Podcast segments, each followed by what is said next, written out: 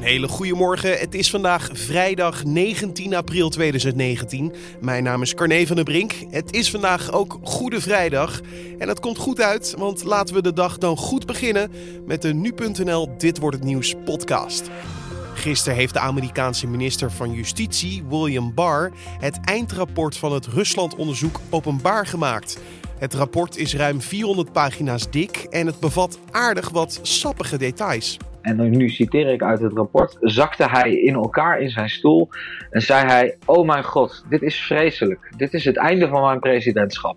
I'm fucked. Dat was nu.nl-redacteur Matthijs Lelou. En met hem gaan we straks verder praten over dit rapport. Maar eerst kijken we naar het belangrijkste nieuws van nu. Het aantal incidenten van ernstige bedreiging of vernieling door asielzoekers in asielzoekerscentra's met extra begeleiding en toezichtlocaties ligt een stuk hoger dan het aantal gedane aangiften. Dat blijkt uit cijfers in handen van Trouw.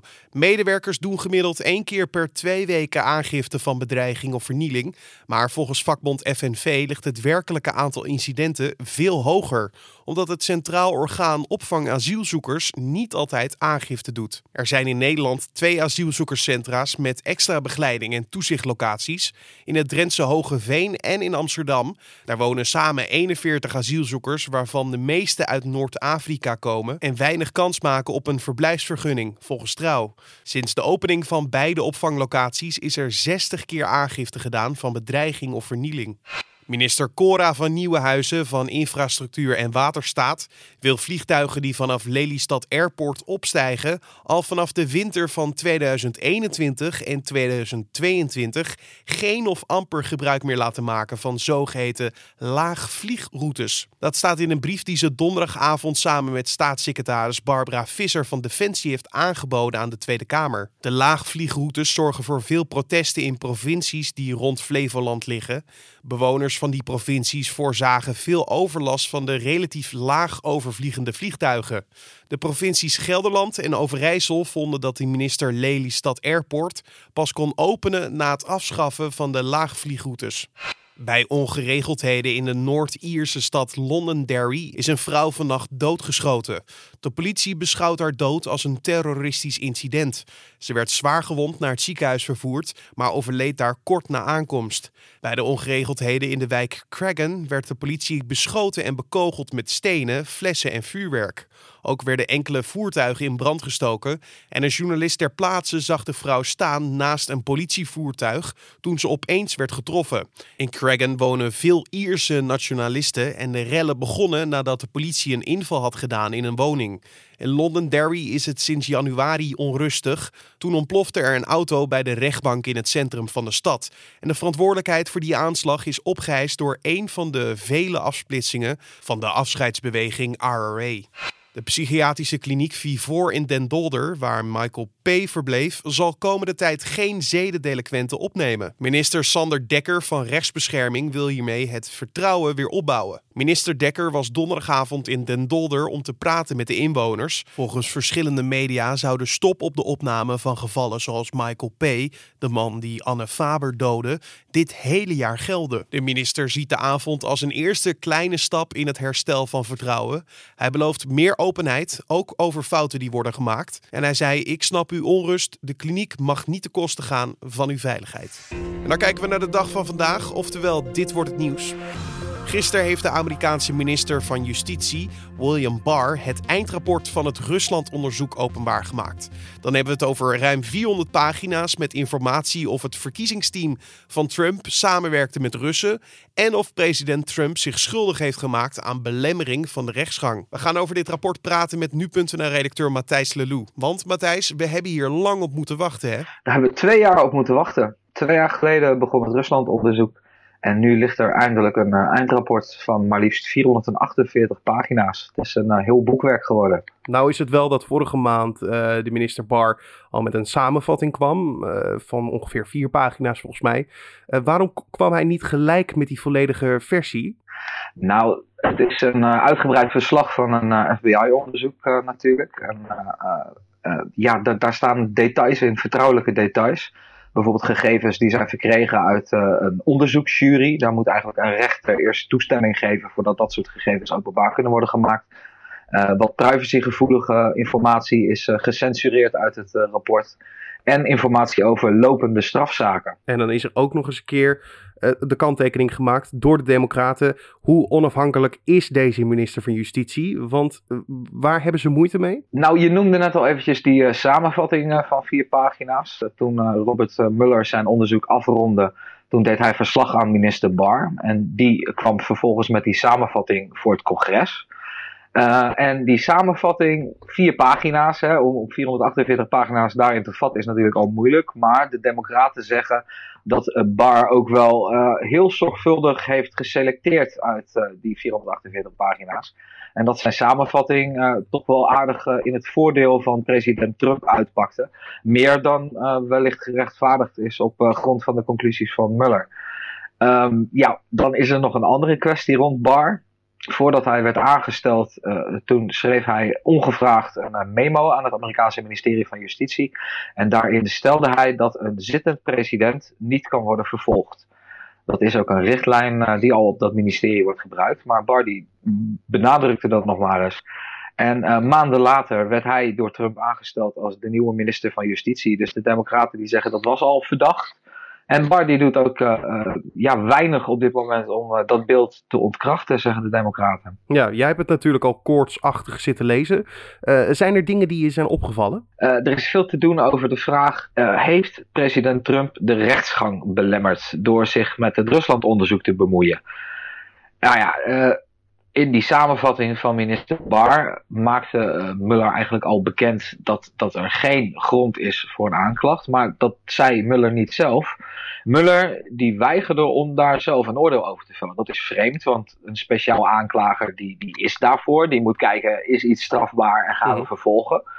Dat is zijn werk. Uh, maar Muller die zei in dit geval van ja, ik, ik, ik heb bewijs, maar ik kan daar niet de conclusie over trekken of er vervolging moet worden ingesteld.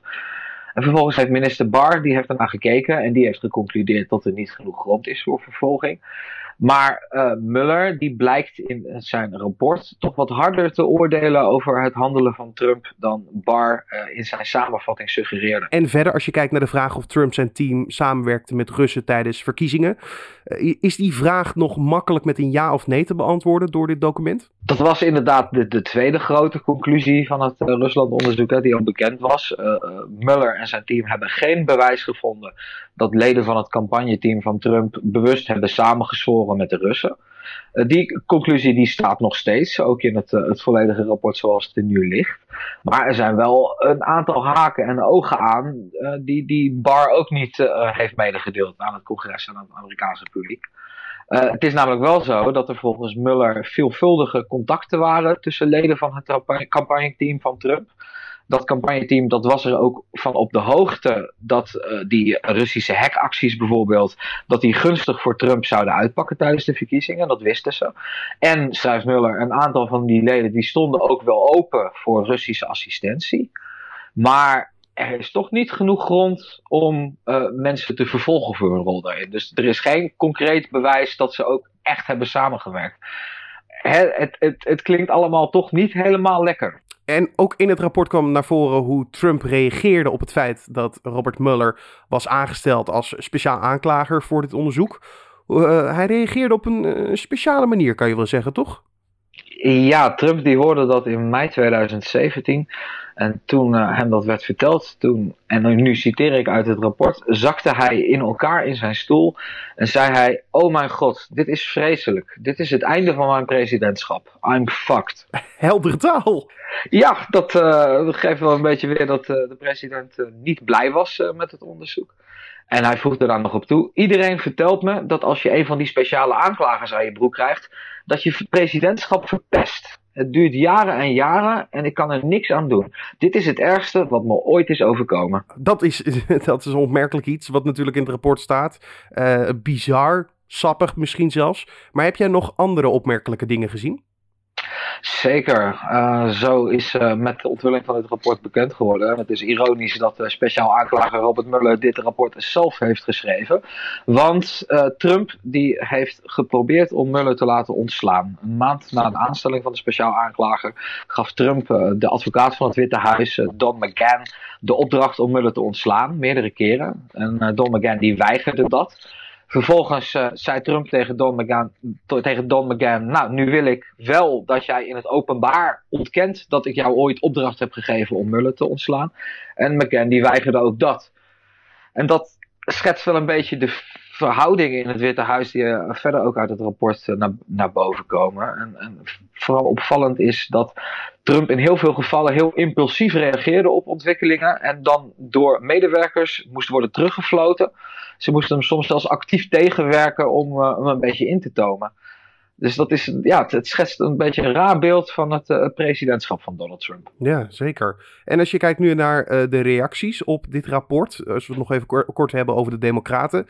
Ik las dat zij een hele uh, wensenlijst hebben opgesteld met wat ze nu willen zien gebeuren, toch? Het ging zelfs nog wel wat verder dan een wensenlijst. Want meteen na de publicatie van het rapport maakte de voorzitter van de justitiecommissie van het Huis van Afgevaardigden, Jerry Nadler, bekend dat Robert Mueller is gedagvaard om uh, voor het huis te komen getuigen over zijn onderzoek. En uh, ik zag ook een volledige inzage in het rapport, toch? Ja, dat klopt. Uh, de Democraten die willen dat het volledige rapport beschikbaar komt. Dat gebeurt ook al wel in zekere mate.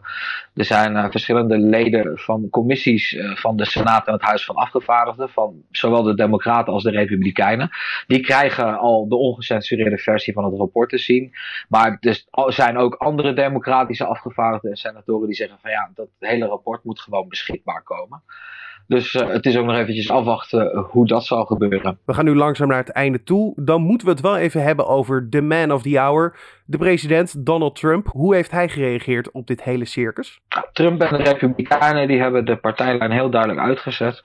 Die zeggen uh, het, uh, eindrapport van het Ruslandonderzoek pleit Trump volledig vrij. Zij, zij, zien dit echt als een enorme overwinning voor de president en dat dragen ze op, uh, op alle mogelijke manieren uit. Ja goed, als je kijkt naar de inhoud van het rapport, dan klopt die, die bewering die klopt gewoon feitelijk niet. Want Mueller die schrijft letterlijk dat het rapport Trump niet vrij pleit.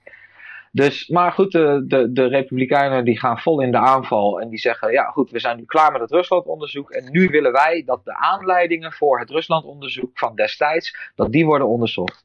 Want zij zeggen, Mueller en zijn team waren politiek gemotiveerd. Die waren door de democraten ingeschakeld om Trump kapot te maken. En wij willen dat ook daar de onderste steen boven komt. Maar als ik jou zo hoor en lees wat er nu allemaal binnen het Amerikaanse politieke stelsel afspeelt dan kunnen we ervan uitgaan dat het Ruslandonderzoek nog lang niet is afgelopen. Het uh, Ruslandonderzoek zelf formeel is, uh, is, is wel klaar. Maar nou ja, wat dat in gang heeft gezet, dat uh, zal zeker nog maanden, zo niet jaren voortdenderen. De naweeën van het Ruslandonderzoek. Nou, precies. Je hoorde nu.nl-redacteur Matthijs Lelou. En wil je nou meer lezen over dit rapport en het onderzoek? Lees dan zeker een achtergrondartikel wat Matthijs hierover heeft geschreven. Hoe vind je die? Heel makkelijk. Ik plaats een linkje in de podcastbeschrijving. En als je daarop klikt, dan kom je terecht bij het artikel. En de rechtbank van Almelo doet vandaag uitspraak in de zaak tegen een 36-jarige man uit Hengelo, die ervan verdacht wordt de baby van zijn vriendin te hebben doodgeslagen. Het OM heeft 14 jaar cel geëist tegen de man. Ook eist de justitie 18 maanden cel tegen de 23-jarige moeder, die wist dat haar dochter mishandeld werd, maar niets ondernam. De man en de vrouw ontkennen beide iedere betrokkenheid bij de dood van het kind. En een grote groep klimaatbetogers zal vandaag op de Londense luchthaven Heathrow aandacht gaan vragen voor de wereldwijde klimaatproblematiek. Het is nog niet duidelijk of dat ervoor zal zorgen dat vluchten vertraging oplopen of geannuleerd worden. Maar afgelopen week arresteerde de Londense politie ruim 200 mensen na klimaatdemonstraties in het centrum van Londen. Dan nog even het weer. Vandaag wordt het een zonovergoten dag. Er is nauwelijks bewolking en er staat slechts een matige wind uit het oosten. Het wordt vandaag 21 tot 23 graden en ook na vrijdag blijft het zonnig en warm. En om af te sluiten nog even dit. Je hebt al een aantal dagen hoofdpijn of je hebt een vlekje op je lichaam die je niet kan plaatsen. Misschien ben jij iemand die gelijk naar de dokter afstapt om te vragen of er iets aan de hand is. Maar ook heel veel mensen zoeken het antwoord op het internet. Van de volwassen Nederlanders raadpleegt 85% in zekere mate het internet bij gezondheidsklachten. Dat blijkt uit onderzoek van het Centraal Bureau voor de Statistiek. Personen tussen de 25 en 35 jaar raadplegen het vaakst het internet. 94% geeft aan bij klachten online informatie op te zoeken. En mensen van 75 jaar of ouder zoeken het minst online naar informatie. Vrouwen zoeken iets vaker naar informatie dan mannen. Dat is zo'n 87 om 84 procent. Ook zoeken hoger opgeleide mensen met ruim 90 procent vaker naar gezondheidsinformatie dan lager opgeleide mensen. Maar is dat erg, hoor ik je denken? Nou, volgens het CBS kan online informatie zoeken als zelfzorg worden gezien en de gezondheidszorg ondersteunen. En dit was dan de Dit wordt het nieuws podcast voor deze Goede Vrijdag. Je vindt de podcast natuurlijk elke maandag tot en met vrijdag om 6 uur ochtends op de voorpagina van nu.nl en in je favoriete podcast-app. Mocht je ons verder willen helpen met deze podcast, dat kan. Laat een recensie achter in iTunes of stuur een mailtje naar podcast.nu.nl. En vanmiddag kan je de weekafsluiter van nu.nl ook weer verwachten. Hoofdredacteur Gertjaap Hoekman gaat in gesprek met nu.nl-redacteuren over de week van nu. Dus luister daar zeker naar, zou ik zeggen. Mijn naam is Carne van den Brink. Voor nu een hele fijne vrijdag. Een mooi paasweekend. Wij zijn er aanstaande maandag niet. Dat komt door Pasen. Maar dinsdag zijn we er gewoon weer om 6 uur s ochtends. Tot dan.